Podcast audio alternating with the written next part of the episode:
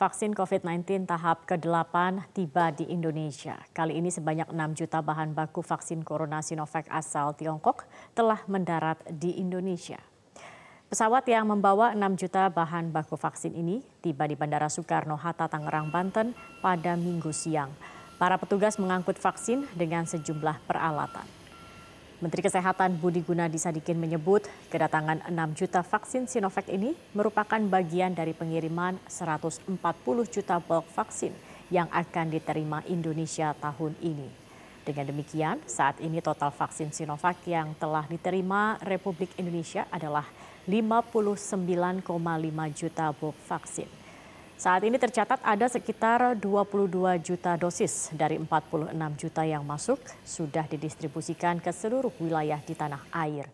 Dalam satu bulan ke depan, Menteri Kesehatan menyebut Indonesia bisa menerima sekitar 20 juta dosis vaksin lagi. Hasil produksi Bio Farma atas kedatangan bulk vaksin. Untuk kita semua dan saya mengucapkan selamat berpuasa bagi yang menjalankan ibadah puasa. Hari ini kami menerima kedatangan 6 juta bulk vaksin dari Sinovac China yang merupakan bagian dari pengiriman 140 juta bulk vaksin yang akan kita terima tahun ini. Total yang sudah kita terima dari Sinovac adalah 59,5 juta bulk vaksin atau kalau sudah dikonversi menjadi dosis akan jadi sekitar 46 sampai 47 juta dosis.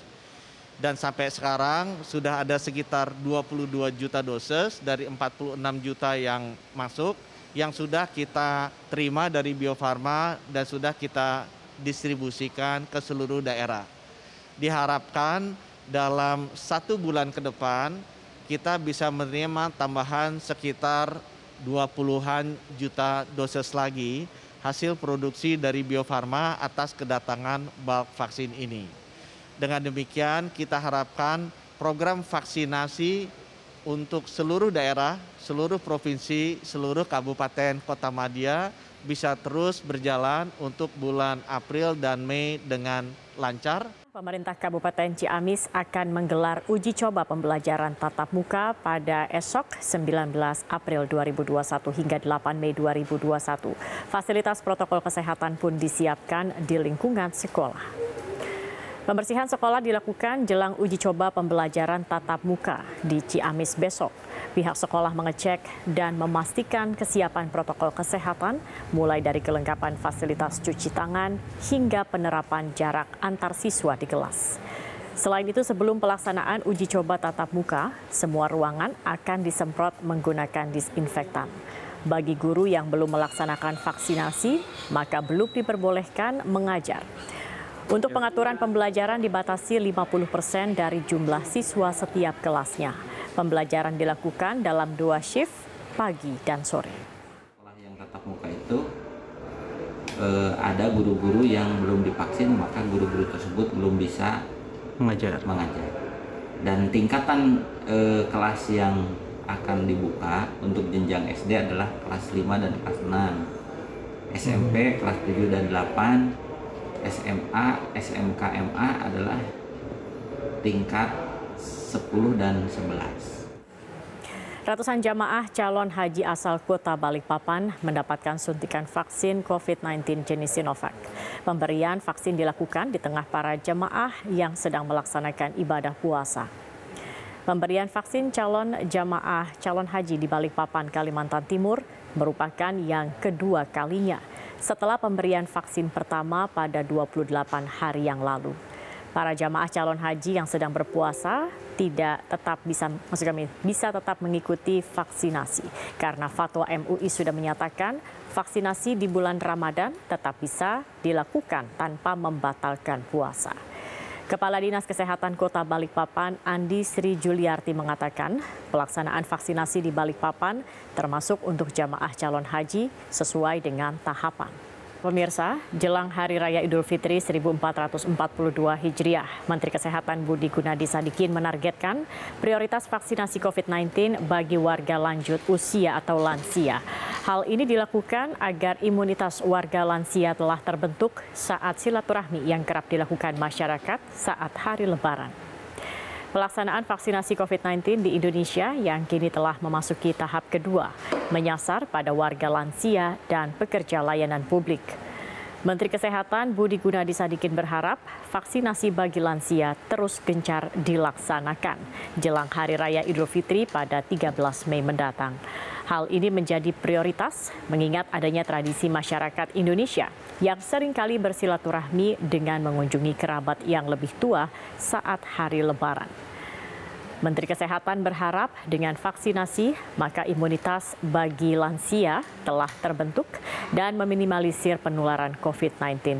Menteri Kesehatan pun mengimbau masyarakat agar tidak lengah dan tetap mematuhi protokol kesehatan di tengah pelaksanaan program vaksinasi COVID-19. Gubernur Nusa Tenggara Timur Victor Laiskodat terus memberikan semangat kepada warga korban terjangan siklon tropis Seroja yang mengungsi di sejumlah posko di Kabupaten Rotendau. Gubernur NTT mengajak seluruh warga untuk saling membantu dan segera bangkit dari kesedihan tertimpa bencana siklon Seroja.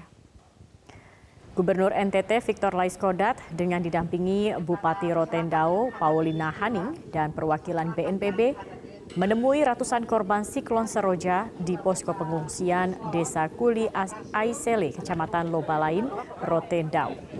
Selain meninjau langsung kondisi kesehatan dan kebutuhan warga, dalam kesempatan tersebut, Gubernur NTT juga menyerahkan sejumlah bantuan kepada warga, seperti genset untuk membantu penerangan karena terganggunya jaringan listrik akibat badai, serta bantuan selimut, kebutuhan logistik untuk bayi dan anak, serta bantuan kebutuhan pokok lainnya. Gubernur Victor mengimbau warga untuk saling membantu dan meminta setiap warga segera memberikan data kerusakan secara jujur dan transparan agar upaya pemulihan dan penanggulangan bencana bisa segera dilakukan secara tepat dan efektif.